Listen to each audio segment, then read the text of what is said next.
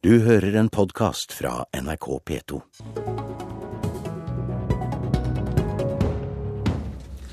Arbeidsministeren vil rydde opp i Nav og møter Arbeiderpartiet til debatt. Og utenriksministeren skal orientere Stortinget om krisen i Syria og Sør-Sudan, men først kommer han hit til Politisk kvarter. Velkommen til Politisk kvarter i NRK P2 og NRK1 TV. Jeg heter Per Arne Bjerke. God morgen, Lise Christoffersen. Stortings, stortingsrepresentant for Arbeiderpartiet og medlem av arbeids- og sosialkomiteen. I formiddag har du en interpellasjon i Stortinget til arbeidsministeren der du spør hvilke endringer han vil gjøre med Nav. Hva mener du han bør gjøre? Ja, jeg registrerte jo at uh, statsråden var veldig offensiv før valget og sammenligna Nav i dag med å ha 429 svigermødre og ramse opp en rekke tiltak. Jeg registrerer at han er litt roligere nå og ønsker å utrede først. og uh, Det kan kanskje være klokt, men jeg syns at noe av det aller viktigste det er å fortsette det forenklingsarbeidet som bl.a. Rigmor Aasrud begynte på. Uh, å få på plass IKT-systemet blir da helt vesentlig. Eh, Rigmor Aasrud foreslo 45 tiltak for eh, en enklere forvaltning, og minst sju av dem handla om eh, forenklinger i Nav. Jeg syns at statsråden bør låne øre til de ansatte i Nav, som har vært veldig tydelige på at en bør fjerne det en har i dag av todelt ledelse. Mer makt ut i førstelinja, mer vekt på godt sosialfaglig arbeid. Og så syns jeg at statsråden bør involvere Stortinget, sånn at eh, alle gode ideer kan slippe til. Og Hvordan han velger å gjøre det, det får han jo selv svare på, men muligheten er der. Stortinget er klart. Vi får høre med ham, han sitter ved siden av deg. Arbeidsminister Robert Eriksson fra Fremskrittspartiet. Det manglet jo ikke på kritikk fra deg da du satt i opposisjon på Stortinget for et halvt år siden. Nå har du altså blitt statsråd og har mulighet til å gjøre noe. Når kan vi vente forbedringer? Du vil merke forbedringer ganske fortløpende, men la meg aller først få lov til å si det at Nav har utvikla seg over år til å blitt en byråkratireform fremfor en brukerreform. Jeg er svært opptatt av at vi skal ha brukerne. Det var Fremskrittspartiet opptatt av i opposisjon. Høyre-Fremskrittsparti-regjeringa er også veldig opptatt av det i posisjon, å sørge for et avbyråkratisert Nav, et enklere Nav. Hva betyr det? Jo, det betyr at vi skal ha en enklere oppfølging for sykemeldte under sykeoppmeldings løpet. Det er viktig. Det betyr at vi må gå gjennom alle typer regler og skjemaer som skaper tungroddhet, byråkrati, uh, uforståelighet. Uh, vi har sett to saker av det i den senere tida. Det som går på Downs, mm. det at du har, har amputert bein. Det er mange sånne ting som vi skal gå gjennom nå. Da trenger vi også et ekspertutvalg som kan peker på hvordan skal vi gjennomføre det. Jeg har klare bilder i mitt hode, det har jeg hatt mm. hele tida, på hvordan vi skal gjøre det. Og så må vi føre mer makt ned til, til, lokalkontorene. Men jeg er ikke eksperten. Jeg vet hvordan jeg vil ha Nav, og så skal jeg få ekspertene til å hjelpe meg. Og så skal vi koble på Stortinget når det er naturlig å koble på Stortinget, når vi legger fram sakene på det. Ja, Lise Kristoffersen, dere har jo sittet med makta nesten i hele Navs eh, levetid. og Nav skulle da gi brukerne en enklere hverdag med en dør, én dør inn til tjenester og tiltak, der det før var tre dører, slik du også skriver i interpellasjonen din. Men har vi fått noen enklere hverdag?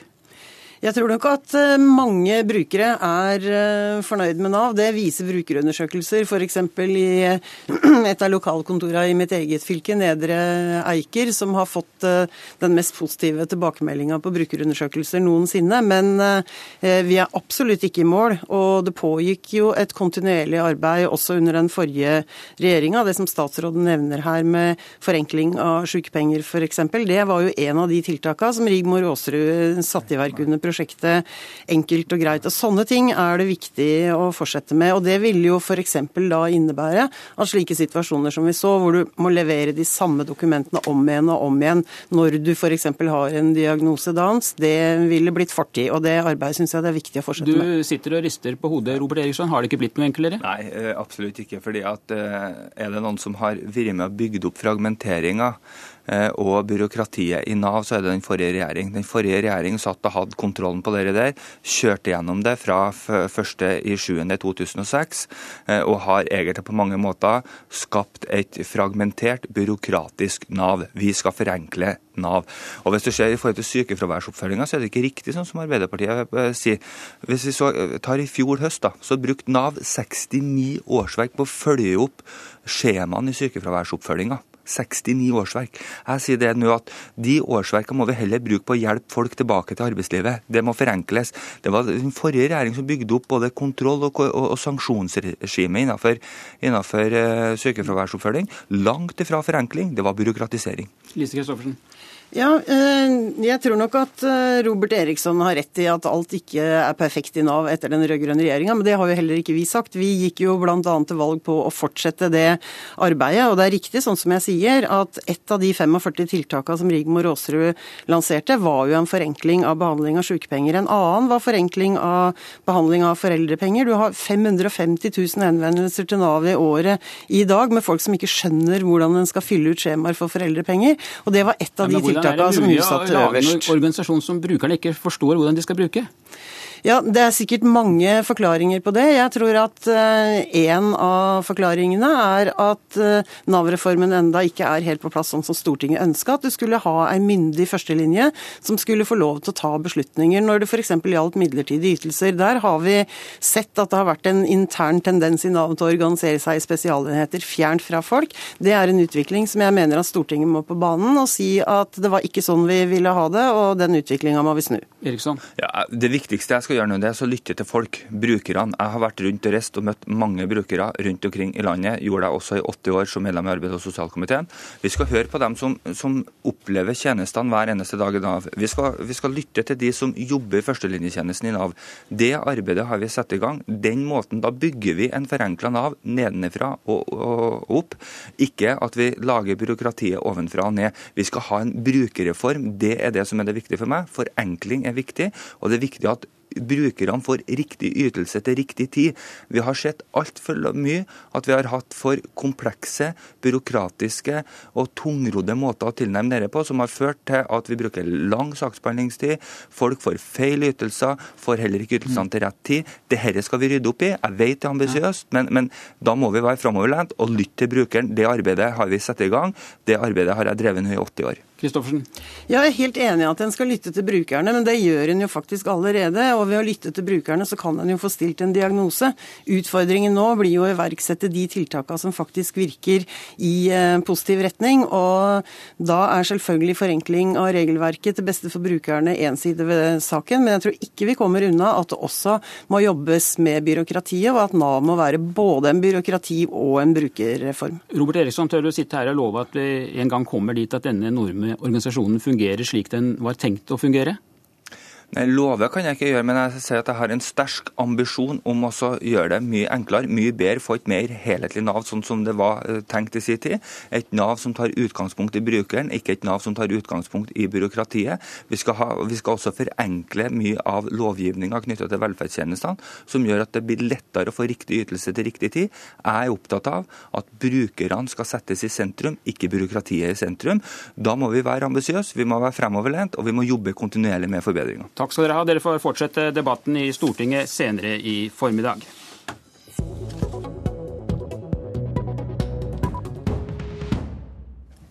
Dette er Politisk kvarter i NRK P2 og NRK1, og vi sier velkommen til utenriksminister Børge Brende. Jeg har invitert deg hit fordi du i formiddag skal orientere Stortinget om Norges engasjement i Sør-Sudan og Syria. Og La oss begynne med Sør-Sudan, for Norge gir jo betydelig bistand til landet. Og vi spilte sammen med USA og Storbritannia i sin tid en sentral rolle for å få på plass fredsavtalen mellom Sudan og Sør-Sudan. Og fortsatt så er vi regnet som en av Sør-Sudans viktige støttespillere.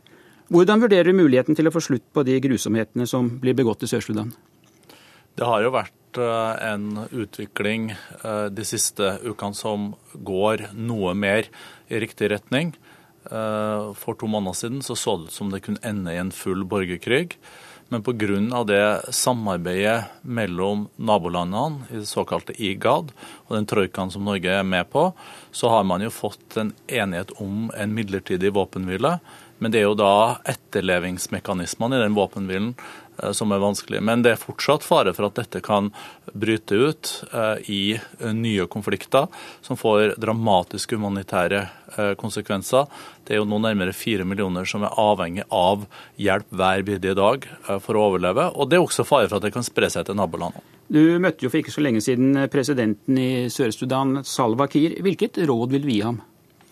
Salva Kiir var jo da den første presidenten i den nye eh, Sør-Sudan som så dagens lys eh, i 2011. Det er verdens yngste land. Det er på størrelse med Frankrike. Eh, de har bare noen kilometer med vei. De hadde nesten ikke skoler, de hadde nesten ikke sykehus. Så alt måtte jo startes på nytt da han overtok. Salwa Kiir har nå ansvaret for at Eh, Sør-Sudan samler seg, at det blir enighet om en overgangsregjering hvor han også tar inn de som er i opposisjon til seg. Så dette er en president som nå sitter med et enormt ansvar.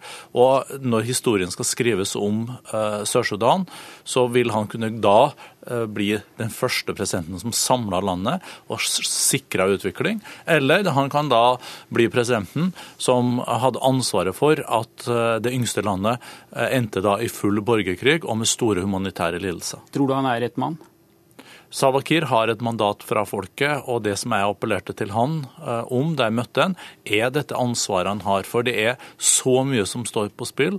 Sør-Sudan har store ressurser knytta til olje, knytta til vann. altså hvit Mm. Uh, Nilen renner gjennom uh, landet. De kan øke landbruksproduksjonen uh, kraftig, men hvis de da kriger mot hverandre, så er det selvsagt ikke håp for noe.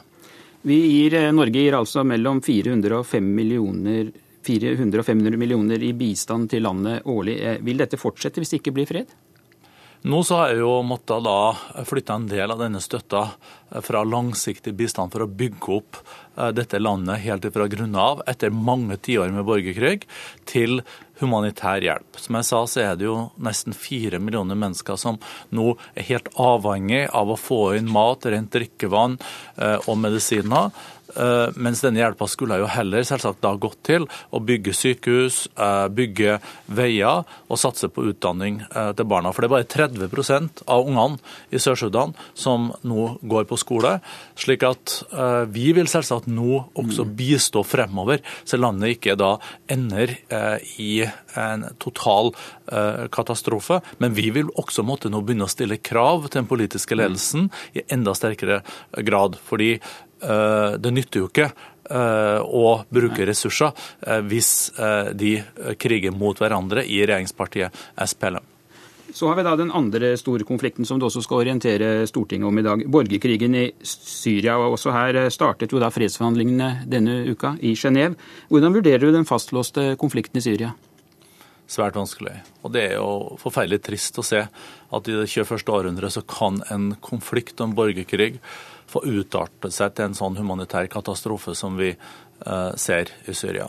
Nå har jo også Brahimi, som nå leder disse fredsforhandlingene i Genéve, en kjempevanskelig oppgave. Men først og fremst ligger jo ansvaret her på de faste medlemmene av Sikkerhetsrådet. Sikkerhetsrådet må jo bli enige om en offensiv politikk overfor uh, Syria, hvor man får stoppa borgerkrigen, får inn mm. også humanitær hjelp og får til en overgangsregjering. Men hvorfor sitter verdenssamfunnet og lar Assad fortsette mens vi da bombet Gaddafi i Libya, også med norsk deltakelse? Det er jo slik at det var ikke mulig å få et mandat i Sikkerhetsrådet eh, for eventuelle militære inngrep i Eh, Syria. Det sa jo både Russland og Kina nei til. Så fikk man jo denne FN-resolusjonen 2118 i stedet, hvor man ble enige om at de kjemiske våpnene de skulle uttransporteres og så eh, ødelegges. Det var jo eh, det som ble utgangen på dette. Sånn som konflikten nå har utvikla seg i Syria, med også så mange land som er inne med støtte til ulike parter, og med oppveksten av jihadister og Al Qaida, så finnes det nok på kort sikt nå og mellomlang sikt kun en politisk løsning eh, på eh, denne borgerkrigen. Og det må skje gjennom FN, og det må skje gjennom en oppfyllelse av de vilkårene som er satt i Genéve 1-erklæringa. Kan det bli fred så lenge Assad har makten i Syria? Syria? Assad har ansvar eh, for utrolig mange overgrep mot sitt eget folk. Eh, halvparten av bruttonasjonalprodukt har forsvunnet, blitt den største flyktningkatastrofen i det 21. århundret. Assad er ikke svaret på de eh, fremtidige løsningene for Syria. Og der må jeg si takk til deg, utenriksminister Børge Brende. Og det var Politisk kvarter med Per Arne Bjerg. Du har hørt en podkast fra NRK P2.